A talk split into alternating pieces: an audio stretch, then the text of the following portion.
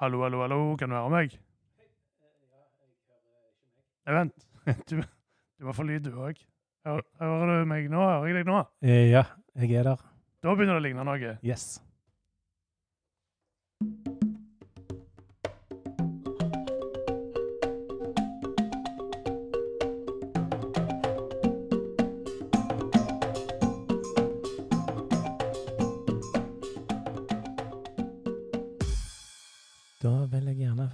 Få jeg hjertelig velkommen til Hva du holder på med nå, Roger? Jeg ønsker velkommen. Du var så forsiktig i dag. Ja mm, Kjempevelkommen. Var det bedre? Jeg følte meg ikke kjempevelkommen. Gjør du ikke det? Det var sånn litt like stor motsetning som de som sier det var en kjempeliten mann. Ja. Sammenligner du meg med en kjempeliten mann? Nå? Nei, nå, nå var det jeg som var den kjempelille mannen som du Å, hjertelig ja, sånn. velkommen. Du er veldig forsiktig. Jeg tenkte bare det at uh, vi skal jo være en uh, podkast for alle. Noen liker at det er bånn gass, og noen eh, liker mer sånn bakpå, tilbaketrukket. Og da må vi variere litt. Jeg forstår hva du mener. Og alle er velkomne til Er du helt grønn? Vi pleier å si at vi har uh, ei politisk slagside. Det betyr enkelt og greit at MDG, det er partiet vårt. Grønn politikk er det vi prøver å oppnå og få til i livet, i verden. Og eh, vi kommer til å holde på til vi har lykkes. Men vi må jo jobbe, for uten at eh, politikken blir grønne og blir værende grønne, så er det mye som går galt. Vi har ikke vært i noe MDG veldig lenge, verken meg eller deg. Vi er rimelig uerfarne som MDG-ere. Ja. Men har funnet at MDG har mye bra for seg. Og derfor sitter du og hører på oss nå, du som er lytter. Og vi har noen å snakke til, så det er òg ganske kjekt, da. Ja, hvor mange er det nå?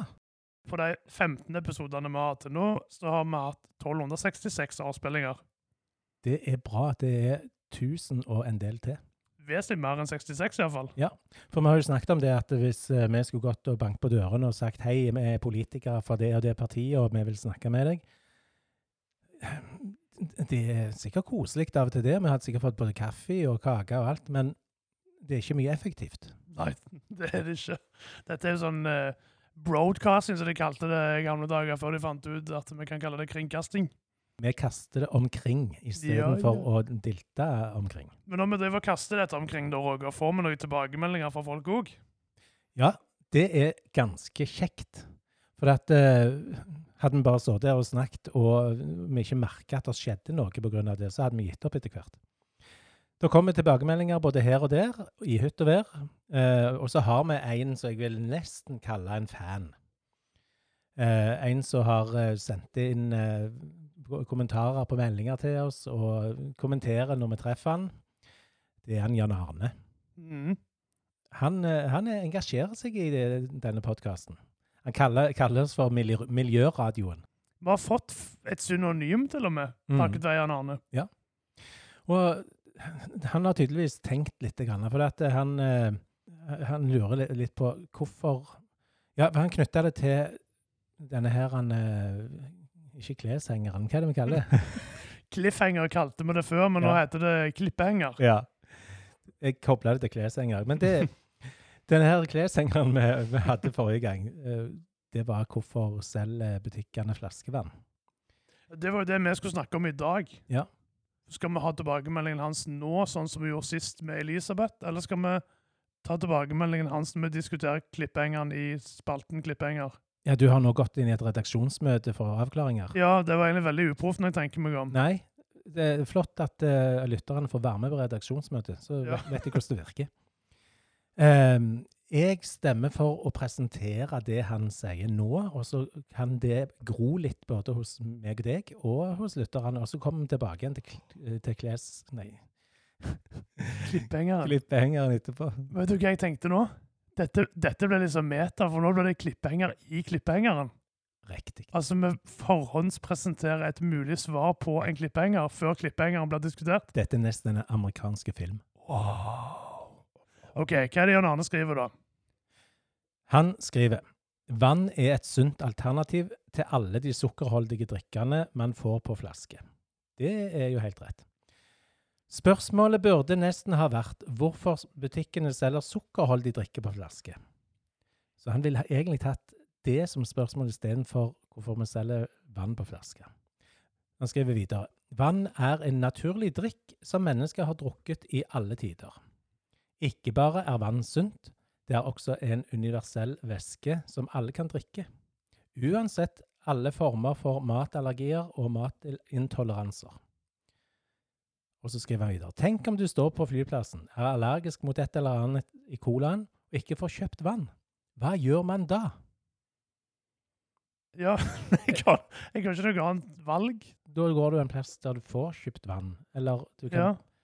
Til og med gå på toalettet og ta- stjele vann der. Ikke i toalettet, men i vasken. Men Ja. det, det er ikke gjerne like hygienisk. Det er jo ikke det. det. Og det var jo på en måte kanskje litt av premisset jeg la for klippehengeren sist gang. Ja. Hvorfor selge vann når du kan ta det på ei flaske med deg? Ja, riktig. Ja, eh, men det kommer vi tilbake ja, kommer til. tilbake til. Så ifølge vedtak i redaksjonsmøtet Ja. så skulle vi ikke ta det nå. Så bare følg med, for dette får du svar på om ei stund. En kleshenger. Klipphenger, Ja, Nå må var- vi ikke forvirre lytterne mer. Nei, det er jeg som forvirrer. Eh, Men så er det en annen ting som jeg kan lure på. For eh, at eh, du er allergisk mot et eller annet i colaen. Fins det colaallergi? Jeg har aldri hørt om det, men folk er jo allergiske mot alt mulig nå til dags. Ja. Ja, Mener du at det er et motefenomen? jeg håper jo ikke det. Nei. Men eh, nei, men der er jo Altså, nå, nå har jo folk til og med begynt å bli allergiske mot melk og kveitemjøl. Ja. Det hørte vi alle om da jeg vokste opp. Nei. Det var gjerne bare sånn at folk sprang på do, og så visste de ikke at, det var, at de ikke tålte noe. Ja. Ikke vet jeg. Det er akkurat likt med allergi og høysnu og alt mulig sånn. Eh, Vi har jo lært mer om det. Eh, Men så er jo spørsmålet da, hvis du da er allergisk mot noe i cola ikke får tak i vann, hva gjør du da? Da har du et problem. Ja. Og hvis du lurer på hva du gjør da, så får du følge med til slutten av episoden, der vi diskuterer det i detalj. Vet du hva, Kan jeg hive inn noe som ikke er planlagt i verken redaksjonsmøte eller eh, i de fem minutter vi møttes før? Det kan du få lov til. Bror min og meg, vi er like høye, men han er to år yngre enn meg. Og så har han eh, fått seg litt måne. Så står meg og han og snakker med noen andre og diskuterer hvem som helst og litt sånn eh, i en konfirmasjon, for det at, eh, vi kjenner jo ikke alle like godt. og sto vi og snakket med noen, og så sto eh, guttungen hans Simen der og kikket på meg og Bormen og studerte oss litt. og Når vi snakket om alder og at jeg var eldst og sånn, og så kommenterer han, eller han sier 'pappa'. Det er jo bare én måned forskjell på dere. det er en av de beste kommentarene jeg har hørt. Men, eh, Syns du han var morsom, han? Han er knalløyen. Ja. Ja, jeg har sansen for Simen. Han har mange fine kommentarer. Har det skjedd noe annet med deg siden sist, da? Så Ja, du fikk dette komplimentet? Ja, eh, noe som har gjort litt inntrykk. Jeg eh, hadde med en ungdom, ei jente, på motorsykkelen bare for at hun skulle få lov til å prøve. Og så prøvde hun det, og så etterpå så eh, satt med familien og snakket, og så sier jeg litt sånn, for å være løyen, at eh, ja, nå har du blitt eksosrype. Og så fikk jeg tydelig beskjed av eh, Janne, dattera min, at nei, sånn sier du ikke. Hæ? Sier ikke sånn? Eh, Fatta ikke hva det var. Nei, du kan ikke bruke, bruke dyrenavn om folk. Det var liksom en krenkende kommentar? Eller noe sånt? Ja, jeg forsto det sånn at det, var, det, det er et sånt prinsipp som har innarbeidet jeg, jeg, jeg er helt enig, men det, det tenkte ikke jeg på. Eksosrype, det er liksom et begrep. Ja, jeg har fått inn barndom og ungdom, så da var det jo det en sa. Mm. Det var på den tida en hadde eksosryper som ikke var allergiske mot mjøl. Ja. OK. ja, det var i den tida. Ja. Ja. Men hva, hvordan gikk dette, da? Nei, nei det, var, det var ikke noe mer enn det. Men det har skjedd, og det har fått meg til å tenke. For nå er jeg jo passert 49. Ja, Gratulerer med veloverstått. Jo, tusen takk. Eh, og det er jo en annen ting som har skjedd siden sist. Det er at jeg har fulgt året. Og hatt eh, så mye gulrotkake jeg ville, og det er fantastisk godt. eh, og har hatt det til frokost og alt mulig en dag. Men akkurat dette her, det, det syns jeg var litt viktigere. For at vi må jo tenke over hva vi sier. Eh, og jeg tenkte ikke over det. Og jeg syns ungdommen i huset mitt har et poeng. vi bør eh, ja, sile litt grann på hva ord vi velger. Og for det, det, det ligger noe innhold i det som ikke nødvendigvis er bra. Mm. Alt var ikke mye bedre før, alltid. Nei. Men Morten, Ja, Roger. nå snakket jeg meg helt vekk. Eh, Ja. Har du opplevd noe i livet ditt siden forrige gang? Ja, det var ikke så veldig spennende i forhold til ditt, da, men jeg, jeg har fått et spons tett et øre. Så det er første gang jeg er med og spiller en podkast der jeg bare hører noe på venstre side, og ingenting på øret. Du er blitt eh, venstrehørt. Gratulerer. Eller be, ja, hva sier du da? Eller beklager, eller Ja.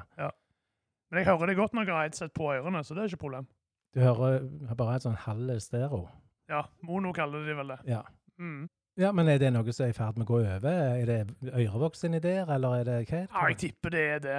Jeg er helsepersonell, jeg kan godt ta en kikk. Ja. det var det du sa når du skulle eh, sjekke om jeg hadde korona i sommer òg, det. Ja. Ja. Hadde du? Nei, du, testene var jo negative. Ja. Der ser du. Det, det det bare går til meg. Ja, jeg merker jo dette. Da har jeg jo ingenting, da. Nei. Da eh, sitter det en gjest her som tar på seg eh, øreklokker head, head, Hva kaller vi det, Morten?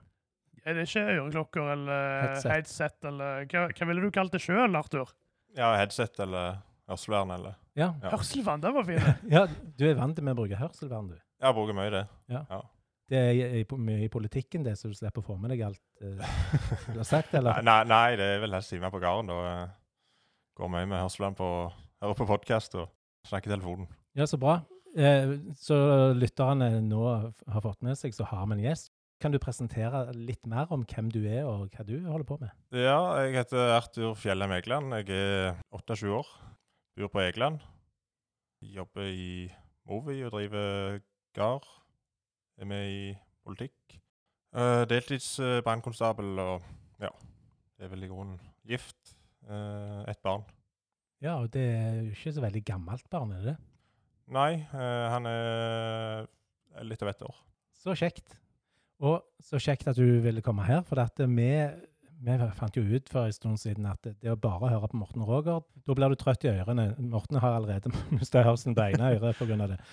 Så det er kjempebra at du hadde lyst til å komme her. Og grunnen til at vi inviterer folk her, det er at eh, vi er jo som MDG-folk. Men det er jo mange meninger og mange måter å engasjere seg på. Du nevnte politikk. Hva parti er det du eh, engasjerer deg i? Senterpartiet. Ja. Hva rolle har du der?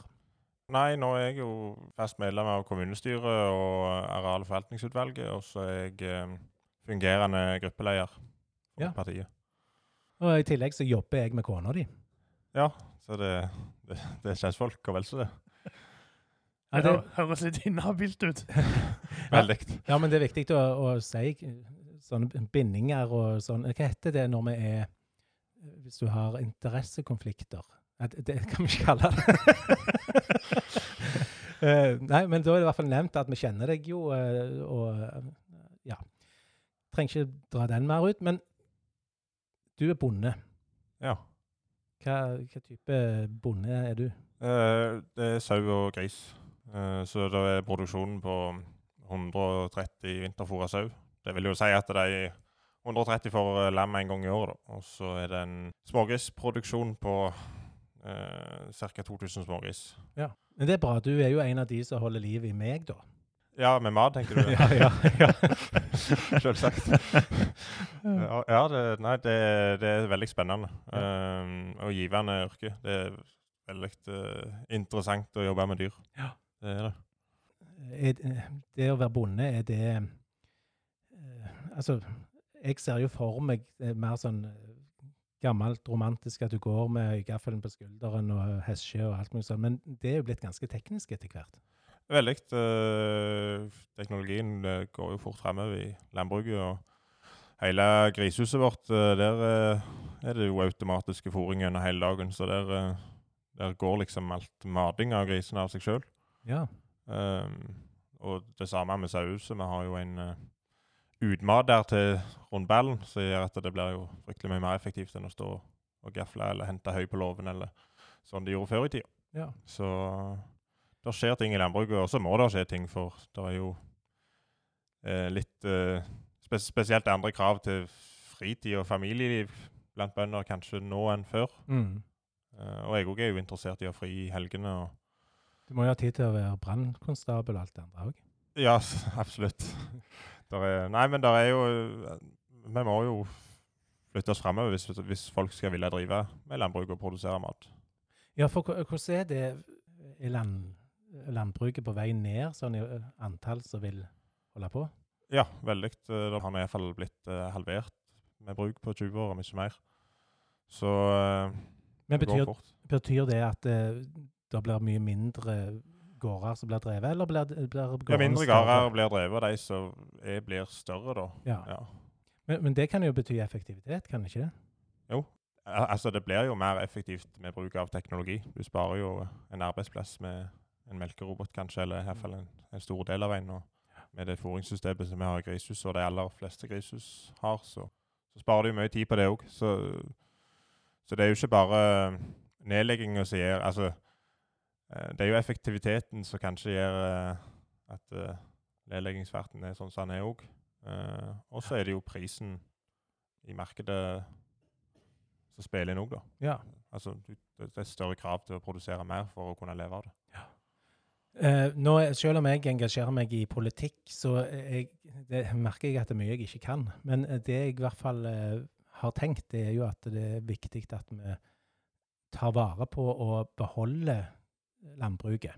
Eh, og at, det, at sånn folk er villige til å være der og har det greit med det. Ja, det I utgangspunktet så, så har det mye med det å gjøre, og jeg er jo engasjert i spesielt i velferdsordningene i landbruket, for de er jo på et mye lavere nivå enn den vanlige arbeidstaker.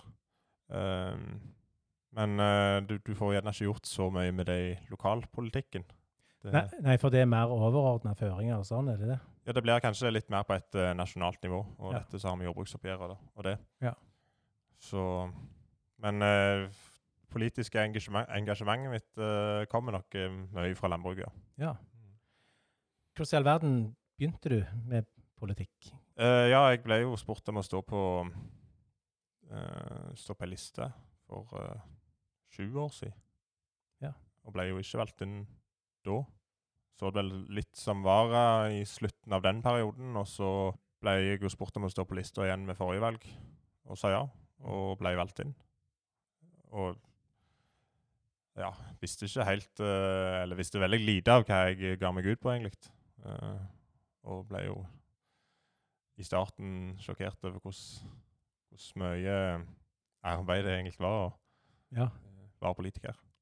Ja, for det er en del ting du må sette deg inn i og lære sånn for i hele tatt mene noe om det. Ja, og iallfall i starten. eh, Etter hvert så kommer du jo mer inn i, inn i sakene, og det blir jo Altså, vi har jo første- og andregangsbehandlinger, uh, og du Altså, du Det er jo eh, de samme sakene som kommer litt opp igjen, og så lærer du deg kanskje å le, lese sakspapirer på en annen måte. At du klarer å dra ut hva som er viktig av en rapport eller et budsjettdokument eller eh, ja, Mm.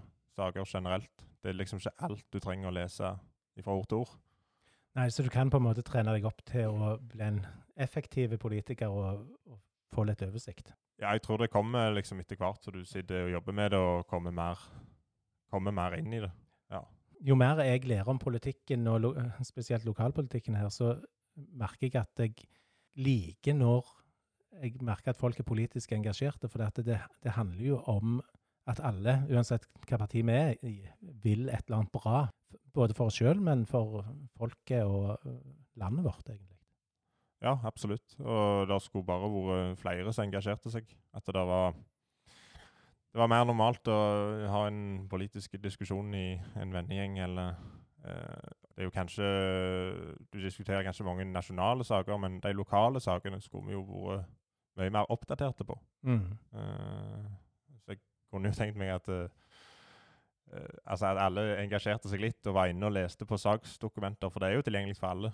Ja, og det har, det har jo blitt mye mer lettvint nå med data og internett og hele den pakken som vi oppdager sniker seg inn i samfunnet, og det er jo en kjempefordel.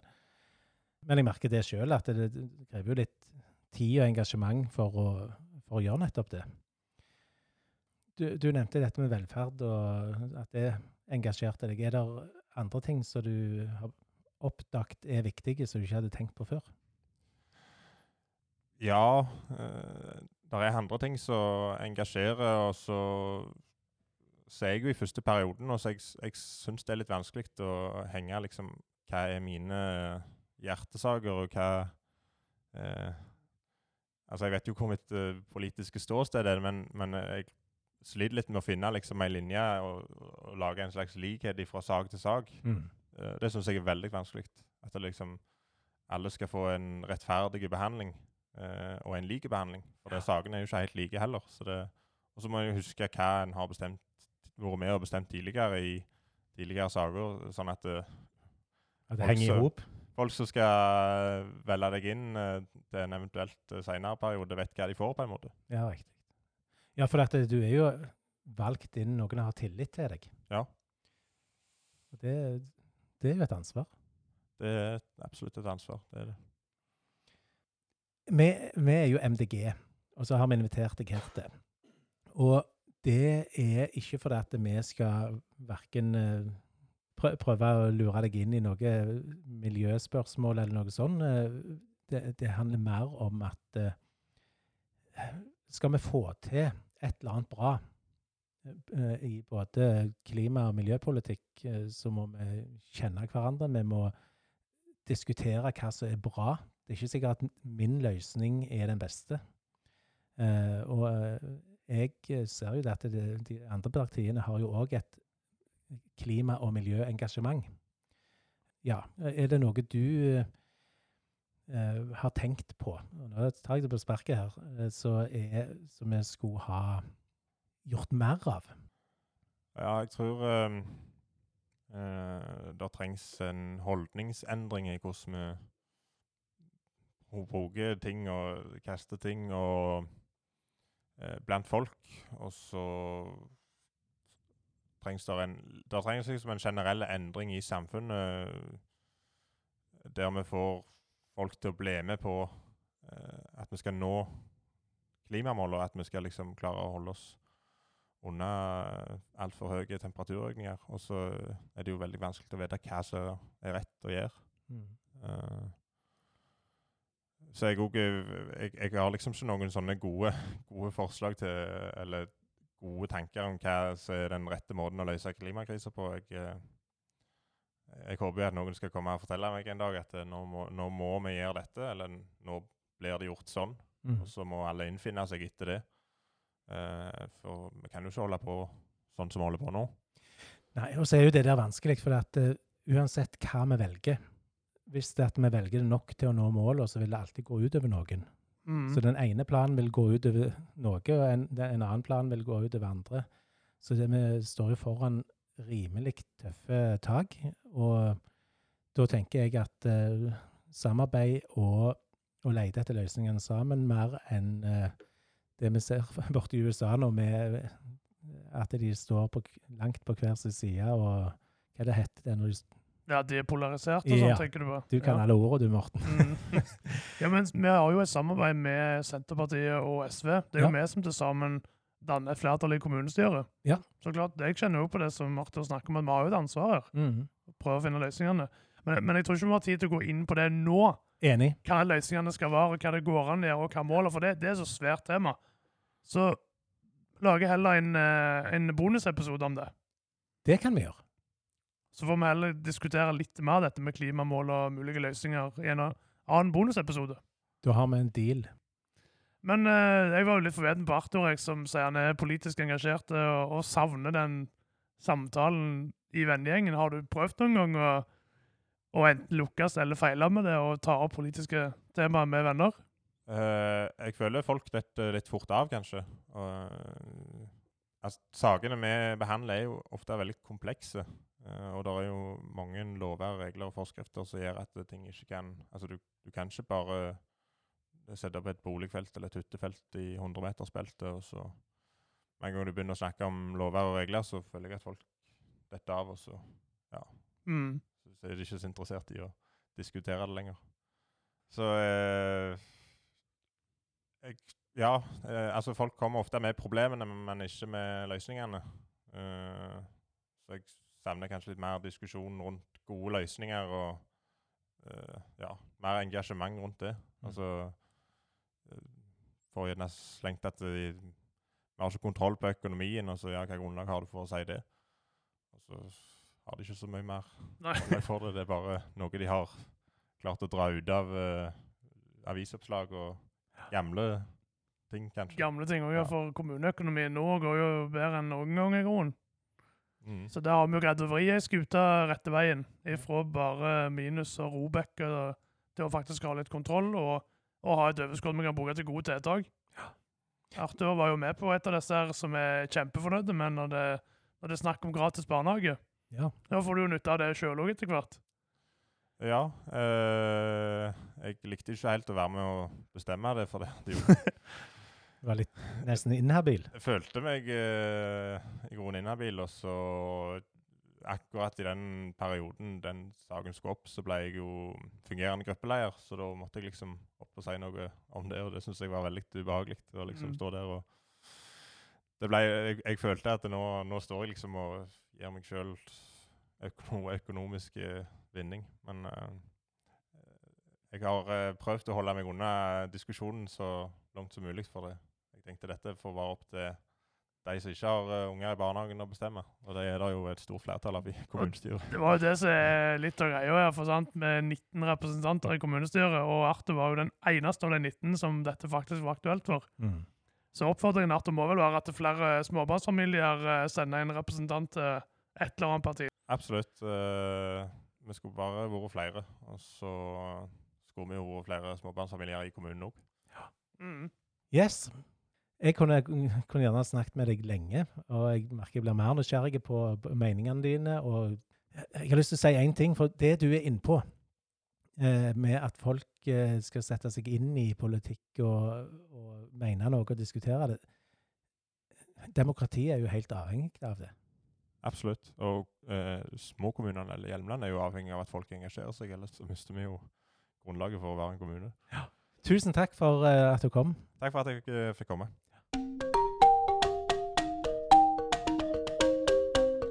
Hva har eh, skjedd eh, i nyhetsverden, Morten? Ja, i dag tenkte jeg jeg skulle snakke om eh, en sak som sto i Strandbuen. Veibanen skal fjernes, men får likevel ny asfalt. Sitatstrek.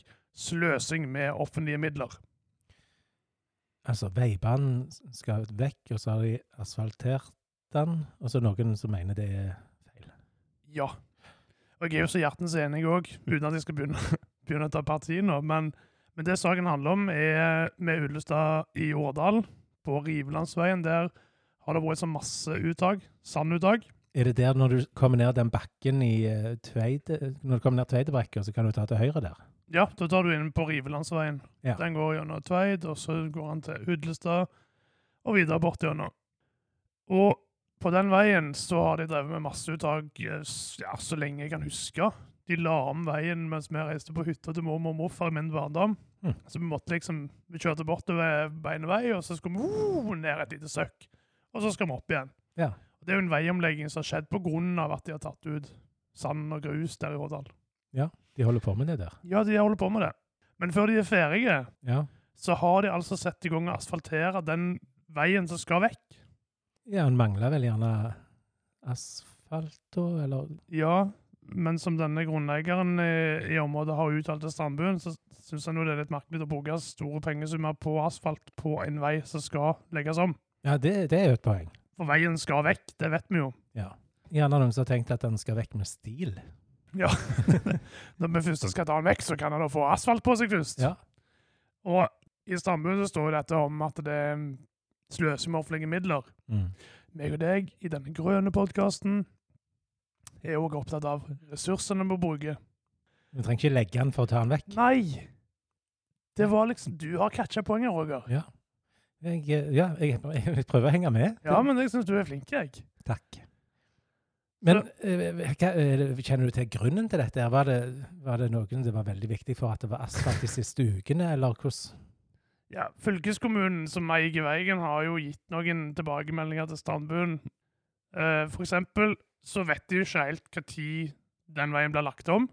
Nei? Og da er det jo med tanke på trafikksikkerheten lurt og nødvendig å ha ny asfalt nå.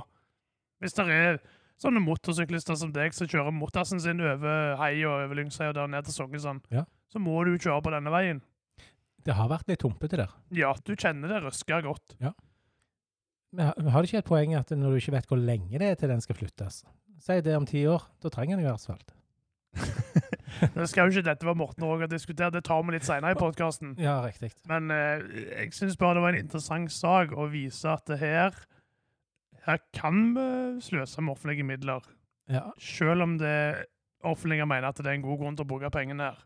ja hvor går grensa mellom ansvarlighet og sløsing?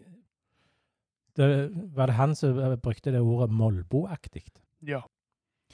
Jeg husker jeg leste om molboer når jeg var, gikk på barneskolen. Hadde de òg asfalt? Vet du hva en molbo er? Ja, jeg vet ikke hva en Molbo er. En som bor i Molla. Nei. Nei, det, det, det, det er fra Danmark. Det kan du lese deg opp til til neste gang. Skal du bare la den henge der? Eh, Det er en, eh, det er en kleshenger.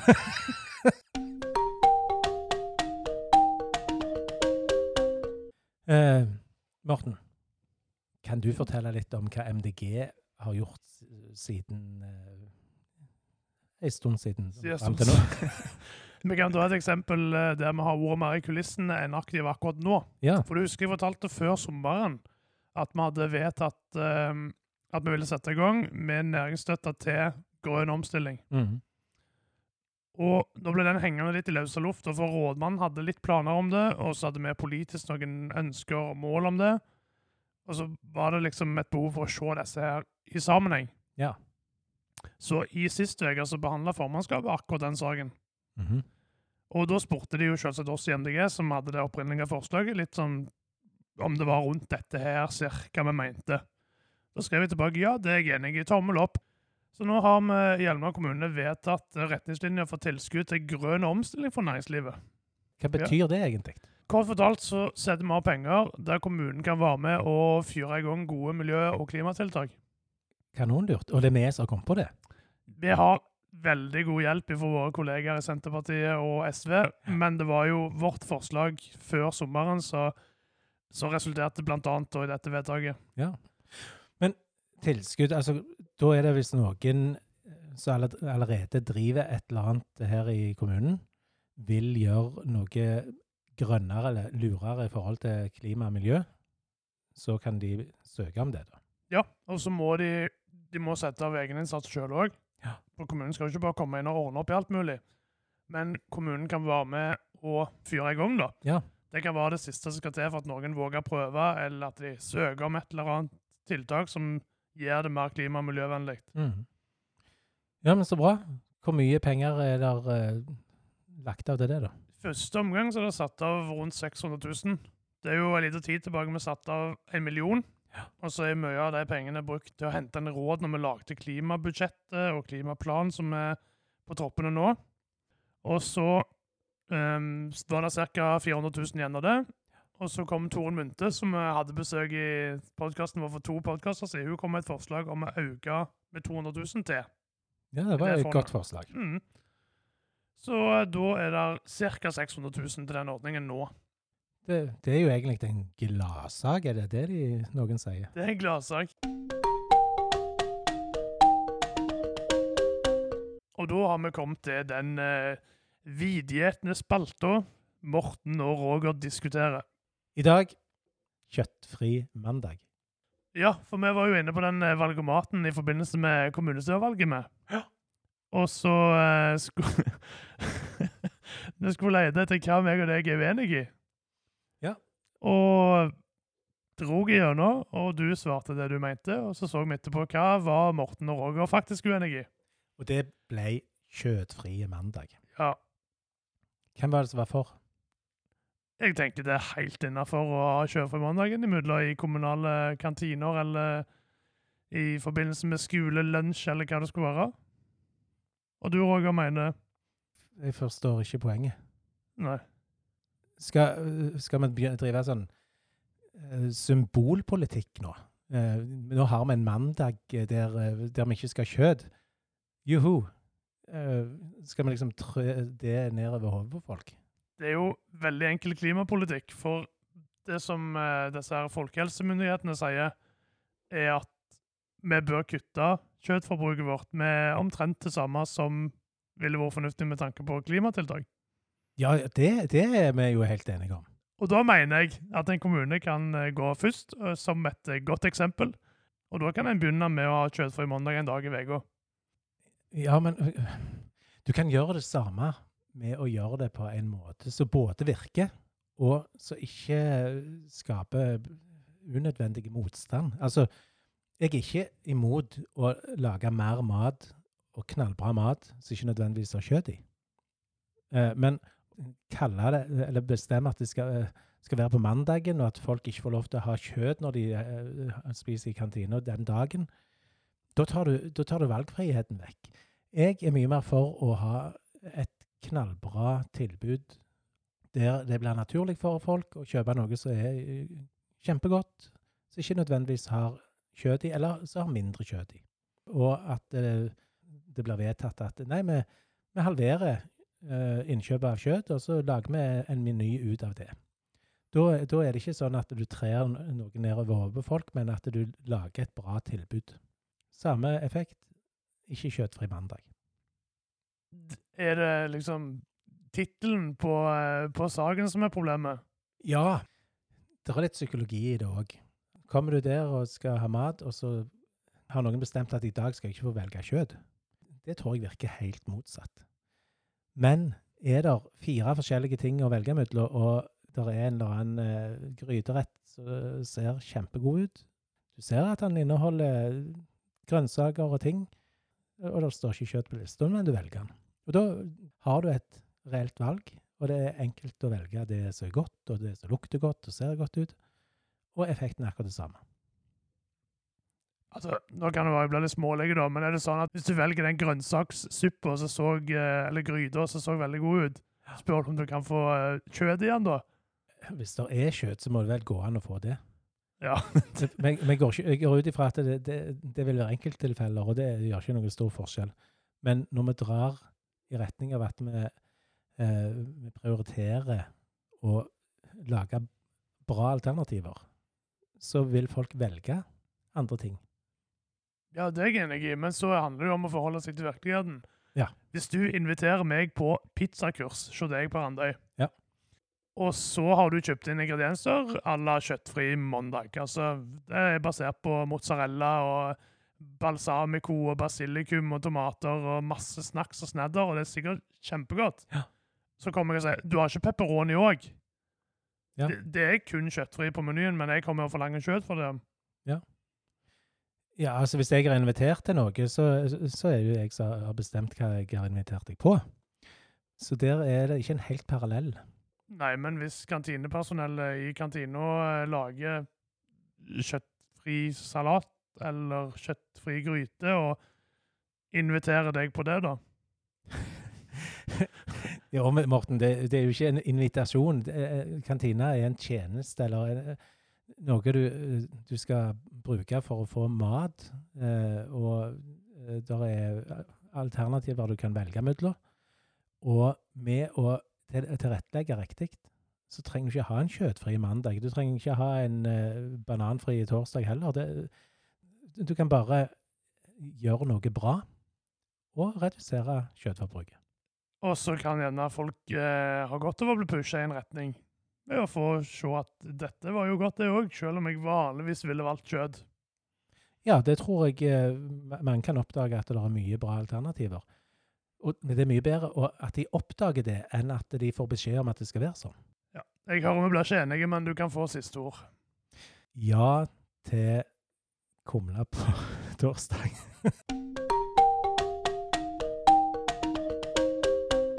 Og da har vi kommet til Herlige Hjelmeland!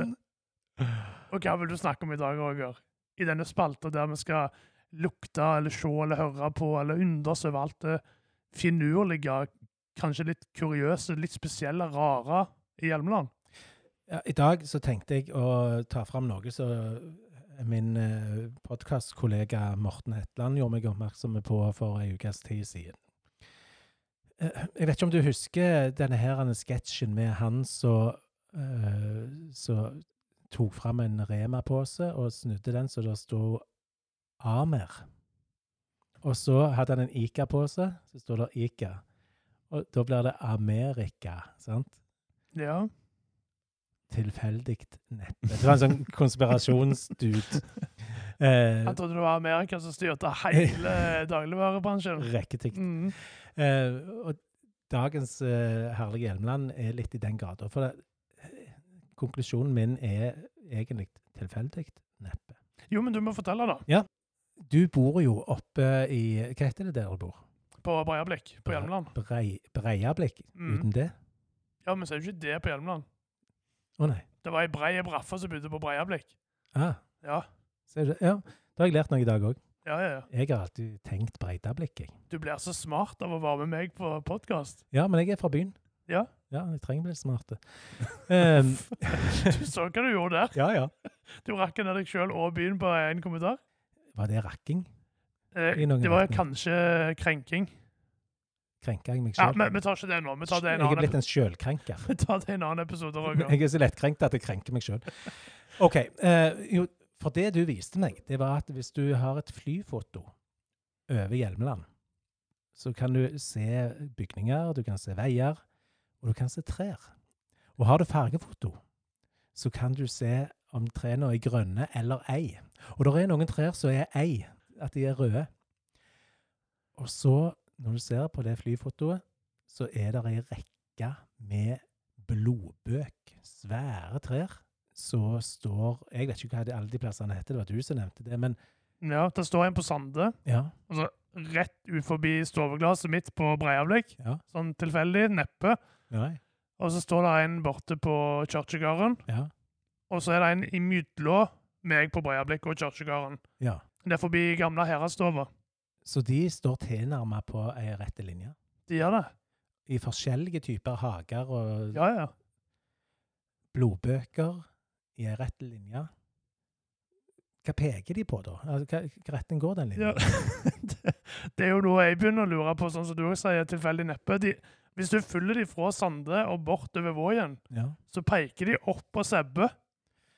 Ah, Så jeg lurer på om det må være noen av forfedrene til Dan Olav oppe på Sebbe som har lagd dette greiene som en sånn veiviser til Apal. Ja! Og så at det bare lå i kortet at der kommer det til å bli et eller annet om noen år. Blodbøk. Det, blodbøk er faktisk Det kunne vært et navn på en sider. Det kunne det jo. For Hvis du snur det andre veien, så vil jo han ifra sideriet se rekka med blodbøk. Ja, og hva er det i andre enden der? Ja, Da kommer du til Sande. Tilfeldig neppe.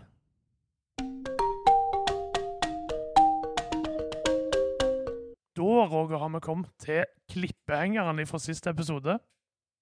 Hørte du, hørte du jeg sa det rett nå? Ja. Klippehenger.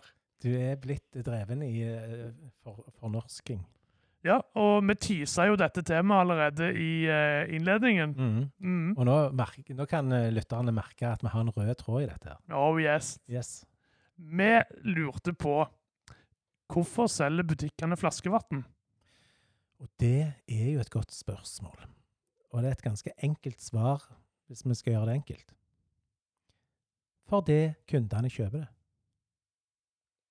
Men stopper vi med det enkle svaret? Nei. Her er vi kjent for å gjøre det enkle mer komplisert enn det nødvendigvis trenger å være. Er du helt grønn? Vi kompliserer det enkle. Ja, et nytt slagord. Eh, jo, hvorfor selger butikkene flaskevann? Noe av ditt poeng når jeg har hørt på deg eh, senere tid, er jo at vann er tilgjengelig for de fleste i springen. Jeg vet ikke om jeg hadde et poeng med det, men eh, jeg forstår hvis du tenker den retning. Så la oss si at jeg hadde et poeng med det. Ja, Ja, jeg syns du har et poeng med det, hvis det er det du Ja. mener. ja, ja Eh, Hvorfor selger butikkene flaskevann hvis folk kunne tatt det med seg i flaske likevel? Ja, Da handler det jo om at eh, når du ikke har tenkt på det på forhånd, men vil ha noe å drikke, og ikke vil drikke noe med sukker i, som Jan Arne var, var innom, så kan det å kjøpe ei flaske vann slukke tørsten når det er sunt. Men hvis jeg stiller spørsmålet på en annen måte, da. Hvorfor selger butikkene flaskevann Og ikke kartongvann. og ikke kartongvann? Jeg har faktisk kjøpt kartongvann en gang. Det var veldig spesielt. Ja, Men det fins. Var det sånn melkekartongaktig, det, eller? Ja, litt mindre enn en melkekartong. Litt som en sånn uh, Tine iskaffe med skrukork. Og så var det bare vann inni, med litt pappsmak. Pappvann. Det er kanskje forklaringen på hvorfor de ikke selger pappvann. For det blir pappsmak. Det blir pappsmak. Da er det mye bedre med plastsmak. Eller gjerne det ikke er så mye smak av den. Ja. Eller jeg kan stille spørsmålet på en helt annen måte. Hvorfor selger butikkene flaskevann? Det er jo gratis i springen. Ja, I Frankrike har de jo sånn tappestasjoner der du bare kan gå og forsyne deg. Det hadde vi på skolen. Vi kalte det fontene. Fontene. Der gikk vi og fylte opp i Vi hadde sånne plastflasker vi hadde med saft i, og så når vi hadde drukket opp den, så fylte vi opp i fontenen. Ja. Og så kunne vi trykke på det ene hullet, og da ble vannet som føyk opp fra de tre andre hullene, dobbelt så høyt. Og hvis vi trykte enda et hull, holdt det enda et hull igjen, så ble det kjempehøyt. Og det holdt vi på med mye i tredje-fjerde klasse. Men ja, hvorfor selger de det eh, i butikkene? Jo, for vi kjøper, og fordi at det er praktisk, og fordi at det er eh, De må jo frakte det, så de må jo ha penger for det. De må tilrettelegge. OK, en, en siste formulering på spørsmålet. Hvorfor selger butikkene flaskevann? Hvorfor uh, selger ikke Ivar uh, flaskevann når det er Ivar som uh, renser vannet? Ja. ja, Ivar selger jo egentlig vannet til oss i Springen, så da hadde de blitt konkurrenter til seg sjøl. Da hadde de jo hatt monopol. Eh, alt, du, alt du tenker på Jeg klarer ikke å svare på alt det, så, i hvert fall ikke på en lur måte. Det enkle svaret er jo at penger det frister, og butikkene vil ha penger. Og hvis vi er villige til å gi dem penger for å få eh, en plastikkdings med H2O i, så, så gjør de det. Og i et miljøperspektiv så vil vi jo selvsagt anbefale folk å ta vannet på ei flaske før du går hjem igjen, hvis du kan det. Så slipper vi å kysse flaskevann rundt omkring fra kyst til kyst. Enig.